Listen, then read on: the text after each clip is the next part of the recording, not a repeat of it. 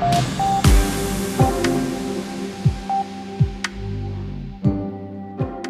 Det råder spänt läge mellan Ryssland och väst på grund av rädslan för en potentiell rysk invasion av Ukraina med allt vad det betyder.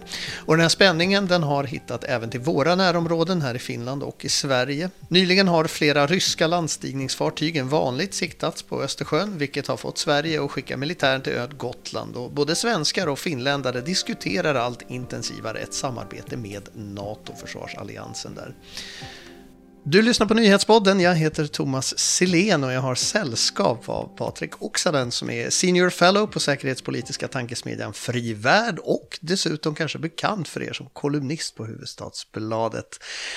Um, Patrik, jag ska först och främst fråga sådär med en mening, hur ser du på läget på Östersjön just nu?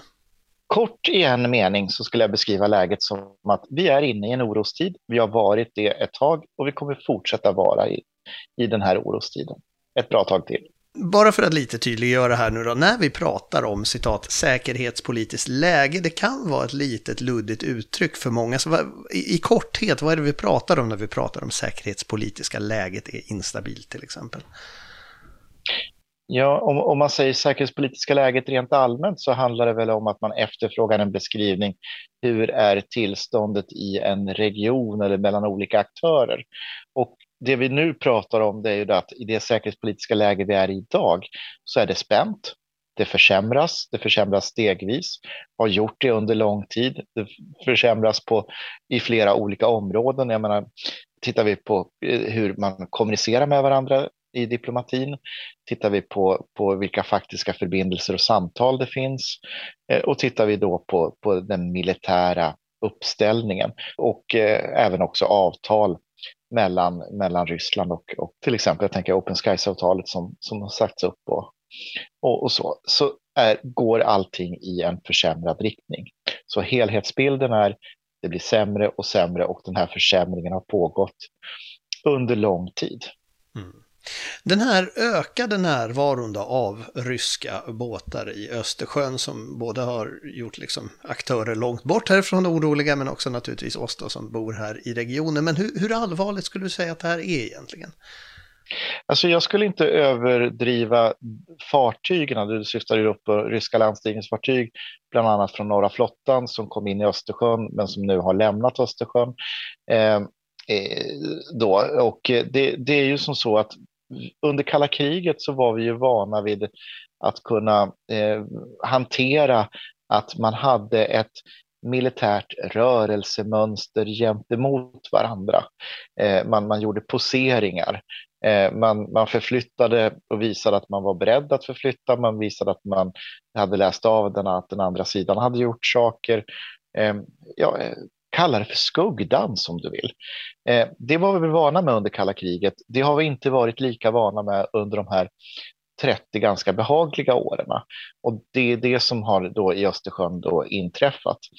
Eh, och det, den reaktionen då, då, då, visade Sverige förmåga på att eh, ett, vi ser vad ni håller på med. Två, vi kan fatta beslut att reagera på det ni håller på med. Eh, och då flyttar vi då truppförband till Gotland och förstärker upp Gotland och visar att ja, ni kan inte komma och överraska oss, utan vi, vi är beredda att hantera när ni höjer eh, liksom nivån, eh, närvaron, då höjer vi den också.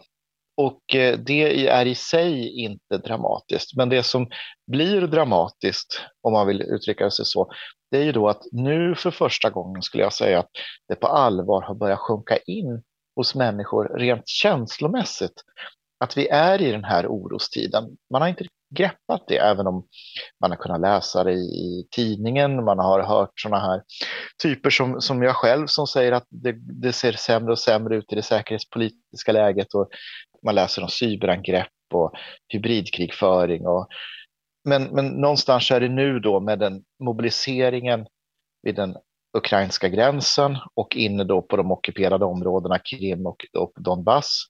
Eh, att Ryssland nu flyttar trupp också in i Belarus. Eh, tillsammans då med de ryska ultimativa kraven som kom den 17 december som följdes av Sacharovas uttalanden den 24 december där hon flaggade upp att ja, men Ryssland har kärnvapen och det ska ju Finland och Sverige komma ihåg. Eh, och att det då sätter liksom hela den europeiska säkerhetsordningen så som vi känner den på spel. Eh, Ryssland har varit tydligt tidigare om att man vill riva upp den här. Eh, nu har man, för att använda en liknelse som många andra har använt, har man lagt upp en pistol på förhandlingsbordet och sagt att ge oss vad vi vill ha. Titta här är vår pistol, vi har förmågan. Eh, sen vad som kommer att hända i Ukraina, det vet jag ju inte, men, men det vet ingen just nu. Du pratade just om den här oron som folk i gemen har, men som jag antar också finns någonstans bland folk som fattar besluten.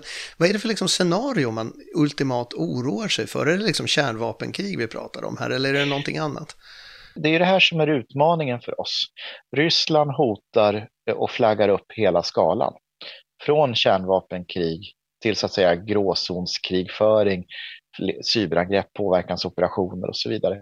Eh, vi, vi, har hela skalan i det och vi måste vara beredda att kunna hantera hela skalan.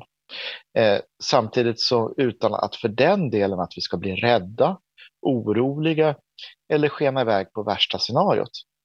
Eh, och det gör ju att vi är i en, skulle jag sammanfatta det med, i en fas då vi i vår allmänhet Eh, håller på att orientera oss i den här nya världen och greppar efter hur ska vi förhålla oss till det. Precis det vi hade under kalla kriget. Men vi har glömt bort hur det var. Jag ska återkomma till det där med hanteringen av det här, men jag tänkte göra en liten så att säga sidoglidning, eller kanske inte en sån liten sidoglidning, för att här i Sverige och i Finland så har ju den senaste dagarna varit aktuellt med att eh, Gotland har fått lite ökad militär närvaro från svenskt håll. Och då har ju många i Finland naturligtvis då börjat titta på vår närmaste motsvarighet kan man väl säga, vilket är Åland som är, är demilitariserad och har varit det länge. Det innebär att det, det får inte ens finnas militära styrkor eller anläggningar eller någon som helst befästningar där. Gotland har jag förstått är en väldigt viktig del i det svenska försvaret. Men hur viktig skulle du säga att Åland är för den här finska och svenska säkerheten?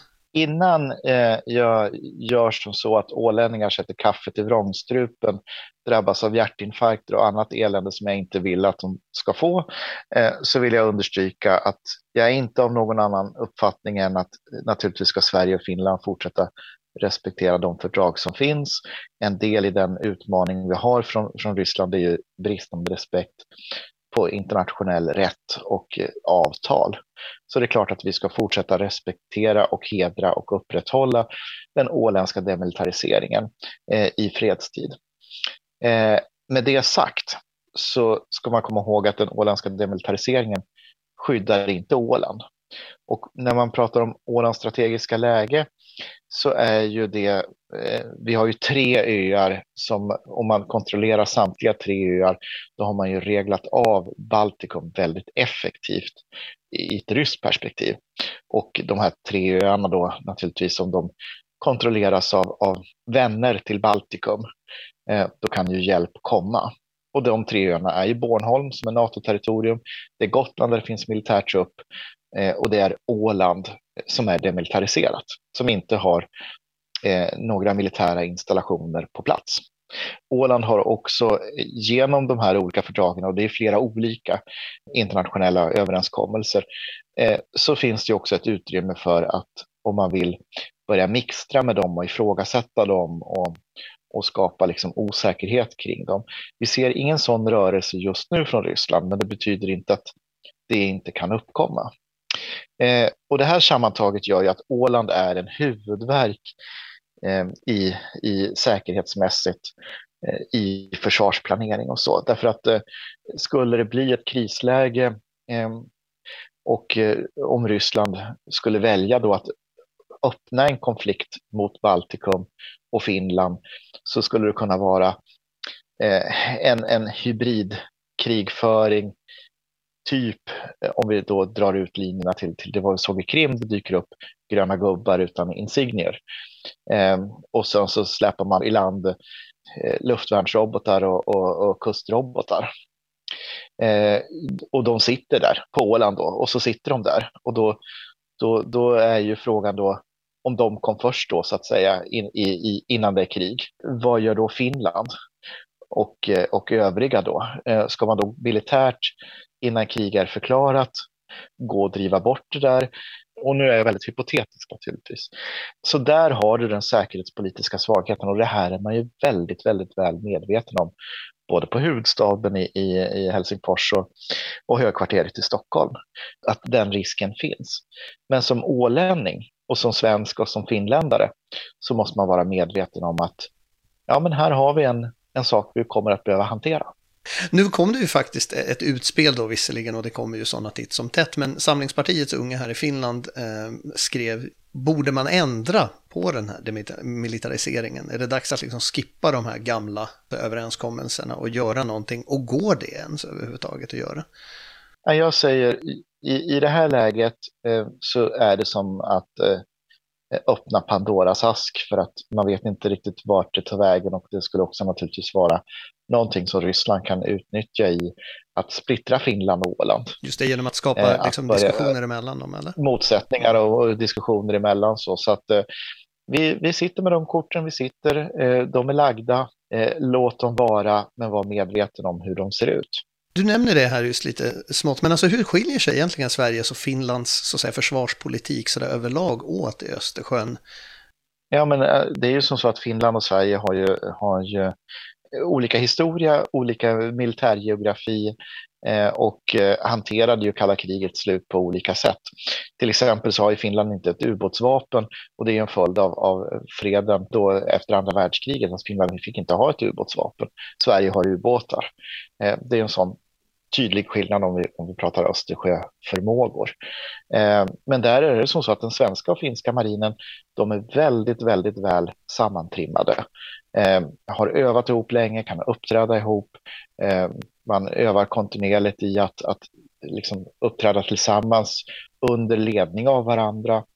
Eh, och tar vi då på Nylands brigad och eh, eh, amfibieregementet då i, i Sverige så, så, är kontakterna väldigt nära och goda. Det finns en väldigt, väldigt djup samverkan där så att man känner varandra väl eh, och det borgar ju för att man kan hantera saker och ting tillsammans. Men om vi lite kort ska titta på den här bilden då av hotet från Ryssland. Eh, vissa påstår ju att medierna överdriver att, att det här hotet inte alls är så stort. Andra menar att vi tar inte det här hotet på tillräckligt stort allvar, att vi borde vara mera rädda. Eh, vad tycker du själv? Var, var ska man liksom ställa sig i den här frågan? Det du beskriver nu i, i det här med att eh, en del säger att hotet mm. är, är, överdrivet och en del säger att hotet är underdrivet eller att vi är helt chanslösa när, när Ryssland väljer att anfalla. Eh, jag har fått Twitter-reaktioner på att ja, vad är det huvudstaden där borta heter? Vi har ju kärnvapen eh, från, från ryska Twitter-troll. Eh, båda de här sakerna samspelar ju i den större ryska narrativet. Ryssland är duktig på att köra ut till synes motsägelsefulla budskap som olika delar av publiken kan ta till sig av, men som båda två tjänar sitt syfte i den strategiska riktningen som Ryssland vill påverka. Det här beskrivs också i massa olika rapporter. Eh, det finns en rapport eh, som beskriver hur Ryssland har byggt upp ett ekosystem av desinformation där man tar upp det här från, från amerikanska State Department bland annat. Och i den då, så vad som uppträder här är ju att Antingen så blir du så rädd så du lägger ner motståndet. Då har Ryssland vunnit. Eller så, så lägger du dig på stranden eh, och, och, solar och tycker att det är väl inga åskmoln där borta som kommer in. Eh, så då är du inte beredd om det händer någonting. Så båda de här två narrativen som du exemplifierar, eh, de tjänar ett ryskt syfte. Så vad vore den korrekta så att säga, så att säga, sinnelaget att ha, om jag ska uttrycka det så? Om man nu sitter hemma som vanlig icke-militärt insatt person kanske. Ja, jag tycker att det, det, det, det korrekta sinnelaget det är ju eh, den, den, eh, den klassiska, man ska inte vara rädd, eh, men man ska vara beredd.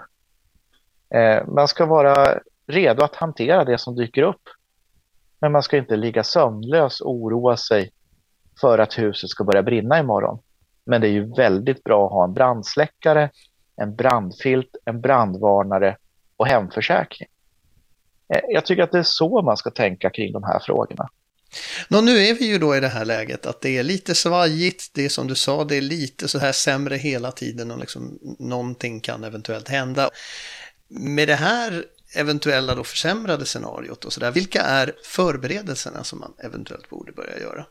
Alltså vi behöver ju alla tillsammans i det ryska närområdet eh, se om ett, vårt eget hus, så att vi har motståndskraft i våra egna samhällen för att hantera cyberangrepp och andra gråzonsaktiviteter, påverkansoperationer, eh, men också ha en militär förmåga att kunna snabbt reagera och hantera eh, om det dyker upp hot och saker.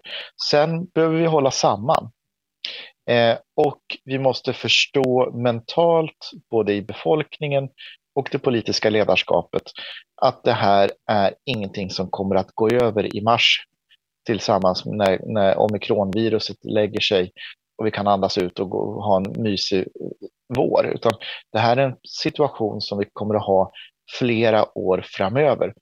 Eh, vi ser inget slut på det. Eh, och det kommer att vara farliga år. Det kommer att vara år där vi kommer att återkomma till, till eh, sådana diskussioner om ryska landstigningsfartyg i Östersjön. En vacker dag kanske de gör ett strandhugg och vi har eh, ett krig. Eh, och det är det som är formuleringen i den svenska försvarsberedningen från december 2017. Ett väpnat angrepp kan inte uteslutas. Det behöver inte betyda att det kommer att hända, men vi kan inte utesluta det.